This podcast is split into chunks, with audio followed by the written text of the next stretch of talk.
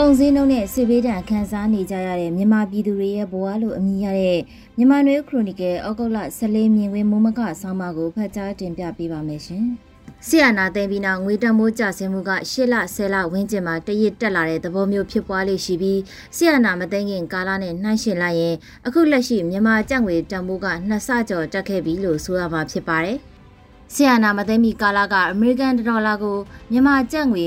1900 1800ဝန်းကျင်ရှိခဲ့ရာကအခုလက်တလုံးငွေလဲနှုန်းဟာဒေါ်လာကို3400 3500ကျော်ရှိနေပြီဖြစ်ပါတယ်။ယမန်နှစ်2022ခုနှစ်ဧပြီလမှာတရစ်တက်လာသလိုအဲဒီနောက်ဩဂုတ်လဝန်းကျင်မှာကျပ်3000နီးပါးကိုရောက်ပြီးအနှဲငယ်ပြန်ရော့ကျသွားချိန်မှာ2800ကျပ်ဝန်းကျင်မှာလအတန်ကြာရှိနေကြရကမကြသေးမီကကျပ်2000တန်ထုတ်ဝေမယ်ဆိုတဲ့သတင်းနဲ့အမေရိကန်ပြည်အောင်စုရဲ့နောက်ထပ်ငွေကြေးဆိုင်ရာပိတ်ဆို့မှုဖြစ်တဲ့ စစ်ကောင်စီရဲ့နိုင်ငံခြားငွေကြေးဝန်ဆောင်မှုဘဏ်နှစ်ဘဏ်ကိုကန့်သက်တဲ့ပိတ်ဆို့မှုထွက်လာပြီးတဲ့နောက်ကျပ်3000ကျော်ကိုမြင်မြန်ဆန်ဆန်ရောက်ရှိလာတာဖြစ်ပါတယ်။မြန်မာငွေတမိုးကြရခြင်းအကြောင်းရင်းကိုဘယ်အဖွဲ့အစည်းစီးပွားရေးကျွမ်းကျင်သူကမှယတိပြတ်ကောက်ချက်မချနိုင်ပေမဲ့တမိုးရုပ်တရက်ထိုးကြတဲ့အခြေအနေတွေနဲ့အဆိုပါအဖြစ်အပျက်တွေမဖြစ်ပွားမီမူဝါဒဆိုင်ရာဆုံးဖြတ်မှုတွေထုတ်ပြန်တဲ့အမိန့်တွေပိတ်ဆို့မှုတွေနဲ့ရှင်တွဲလစ်လာကြည့်ရင်ဘာအချက်တွေကြောင့်ဆိုတာရေဘူးရအဖြစ်ကောက်ချက်ဆွဲနိုင်တာဖြစ်ပါတယ်။ စစ်ကောင်စီအာဏာသိမ်းကစားမှာအင်တာနက်ဖြတ်တောက်မှုတွေဗန်ထဲကငွေကြေးတွေကိုထုတ်ကြဖို့လှုံ့ဆော်မှုဆီယနာသိမ်းမှုရဲ့အကျိုးဆက်နိုင်ငံတကာအစိုးရနဲ့ငွေကြေးဆိုင်ရာအဖွဲ့အစည်းတွေရဲ့အကူအညီလျှော့ချမှုဖြတ်တောက်မှုနဲ့ပိတ်ဆို့မှုတွေနောက်ဆက်တွဲပါလာမဲ့အလားအလာတွေစုပေါင်းကကျပ်ငွေတန်ဖိုးမတည်မငြိမ်ဖြစ်ပြီးနိုင်ငံခြားငွေစုဆောင်းတာဗန်စင်းတွေကငွေနဲ့ငွေဆက်ကူတို့ရဲ့တန်ဖိုးကွာခြားမှုတွေဖြစ်ပေါ်လာတာဖြစ်ပါတယ်။ အဲဒီကာလကပထမဆုံးအကျိုးသက်ရောက်မှုအနေနဲ့မြန်မာကျပ်ငွေတန်ဖိုးကျဆင်းခဲ့တာဖြစ်ပါတယ်။အဲဒီနောက်မှာမြန်မာနိုင်ငံမှာရင်းနှီးမြှုပ်နှံထားတဲ့နိုင်ငံတကာစွမ်းရည်ဆိုင်ရာကုမ္ပဏီကြီးတွေတယ်လီကွန်လုပ်ငန်းတွေမြန်မာနိုင်ငံကထွက်ခွာကြခြင်းအကြောင်းကလည်းမြန်မာငွေကြေးအပေါ်ယုံကြည်မှုလျော့ကျလာပြီးငွေတမိုးကျဆင်းတဲ့ဖြစ်စဉ်ကိုမီးလောင်ရလေပင့်ဖြစ်စေတဲ့အကြောင်းချက်တွေဖြစ်လာပြန်ပါတယ်။ 2022ခုနှစ်အစပိုင်းဧပြီလမှာတော့စစ်ကောင်စီအနေနဲ့သီရိလင်္ကာနိုင်ငံမှာဖြစ်ပွားတဲ့နိုင်ငံခြားငွေကြေးအကျပ်တဲကြောင့်နိုင်ငံရေးအုံကြွမှုဖြစ်ပွားတဲ့ဖြစ်ရပ်ကိုကြည်ပြီးပြည်ရင်းကိုနိုင်ငံခြားငွေပုံပုံဝင်ရောက်လာဖို့နီလန်အမျိုးမျိုးစဉ်းစားအကြံထုတ်ကာဘိုးဘန်ကနိုင်ငံခြားငွေဆိုင်ရာမူဝါဒနဲ့အမိန့်တွေကိုဇက်တိုက်ဆိုသလိုထုတ်ပြန်ခဲ့တာဖြစ်ပါတယ်စစ်ကောင်စီအနေနဲ့နိုင်ငံခြားငွေကြေးများများရဖို့ပို့ကုန်ကရလာတဲ့ငွေကြေးတွေကို ရာခိုင်နှုန်းဘယ်၍ဘယ်မျှကို24နာရီအတွင်းမြန်မာကျပ်ငွေအဖြစ်ပြောင်းလဲဖို့အမိန့်တွေညွှန်ကြားချက်တွေ2022ခုနှစ်ဧပြီဝန်းကျင်က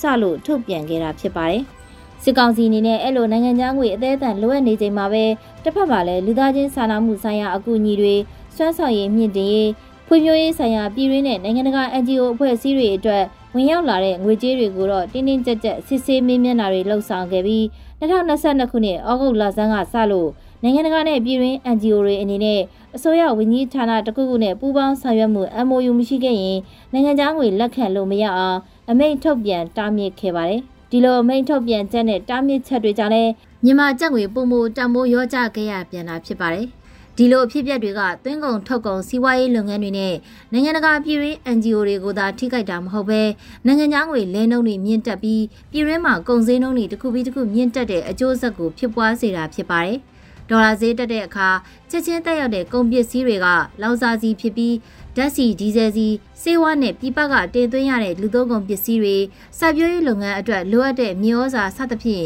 လူတွေရဲ့နေစဉ်ဘဝမှာသုံးစွဲနေတဲ့စီမြ мян ဆန်းဆန်းတက်ရောက်လာတာတွေ့ရမှာဖြစ်ပါတယ်။ယူကရိန်းရုရှားစစ်ပွဲဖြစ်ပွားမှုရဲ့ကြရက်လောင်စာဆီဈေးမြင့်တက်မှုရိတ်ခါစားသုံးစီဈေးမြင့်တက်မှုတွေကလည်းမြန်မာနိုင်ငံကိုအနည်းနဲ့များတက်ရောက်မှုတွေရှိခဲ့တာဖြစ်ပါတယ်။ အထက်မှာပြောခဲ့သလိုကျပ်ငွေတံမိုးကြရခြင်းနဲ့ဆက်နွယ်နေတဲ့အကြောင်းအချက်တွေအဖြစ်အပျက်တွေနဲ့အတူမြန်မာနိုင်ငံမှာဆီယနာသိမ်းမှုရဲ့နောက်ဆက်တွဲအကျိုးဆက်တွေဖြစ်တဲ့လက်နက်ကိုင်တိုက်ပွဲတွေစစ်မှတ်ဖြစ်ပွားရာပြည်내နဲ့တိုင်းတွေကိုဆက်သွယ်ထားတဲ့ကားလမ်းရေလမ်းတွေမှာဖျက်တောက်မှုပိတ်ဆို့မှု ဂိတ်ကျေးဆက်ကျေးလို့ခေါ်ဆိုကြတဲ့အခွန်ကောက်တွေမကြုံဘူးလောက်အောင်မြင့်တက်များပြားလာတာတွေကြောင့်ပဋိပက္ခ area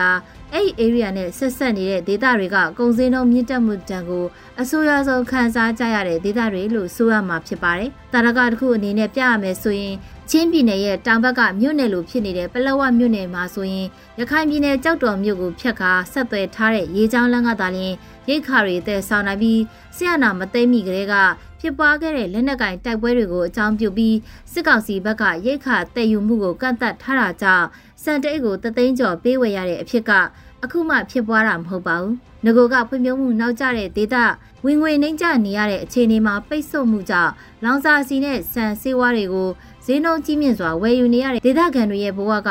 မြန်မာနိုင်ငံရဲ့အခြားသောဒေသတွေထက်ကိုခက်ခဲတာဖြစ်ပါတယ်။ဆီယနာသိမ့်ပြီးတဲ့နောက်မှာတော့ပလက်ဝလိုအခြေအနေမျိုးကိုကရင်ပြည်နယ်မှာတော့၎င်း၊စကိုင်းတိုင်းထဲမှာတော့၎င်းကြုံလာကြရတာဖြစ်ပါတယ်။ကုန်းတွင်းပိတ်နေတဲ့ဒေသတွေအဖို့ရိတ်ခါလောင်စာနဲ့ဆေးဝါးတို့ကိုလက်နက်ကင်တပ်တွေကြီးစိုးထားကြရာဒေသတွေကဖြတ်ပြီးတဲ့ဆောင်မှာ မတတဆအခွန်ကောက်တွေကပိုကြီးမားတဲ့ဝင်တော့ဝင်ဖို့ဖြစ်စေပြီးဝယ်ယူစားသုံးနိုင်တဲ့အင်အားကိုပုံမရော့ရော့စေတာဖြစ်ပါတယ်။စံစဘာပေါ်များတဲ့စကိုင်းတိုင်းလိုမျိုးမှာလက်နက်ကင်တက်ပွဲတွေကြောင့်အရင်လိုစံစဘာကောင်းကောင်းမွန်မွန်မဆိုင်ပြိုးနိုင်ကြတော့ပဲရှိတဲ့ရိတ်ခါတွေကိုလည်းစစ်ကောင်စီစစ်ကြောင်းတွေဝင်လာချိန်မှာမိရှို့ဖျက်ဆီးခြင်းခံကြရတာလည်းဖြစ်ပါတယ်။ဒီလိုအခြေအနေတွေပိတ်ဆို့မှုတွေ ကုန်စည်နှုန်းမြင့်တက်မှုတွေကဆက်လက်ဖြစ်ပေါ်နေအောင်မဲ့အနေအထားဖြစ်ပြီးအခုနှစ်မိုးရသည့်ရေကြီးမှုတွေက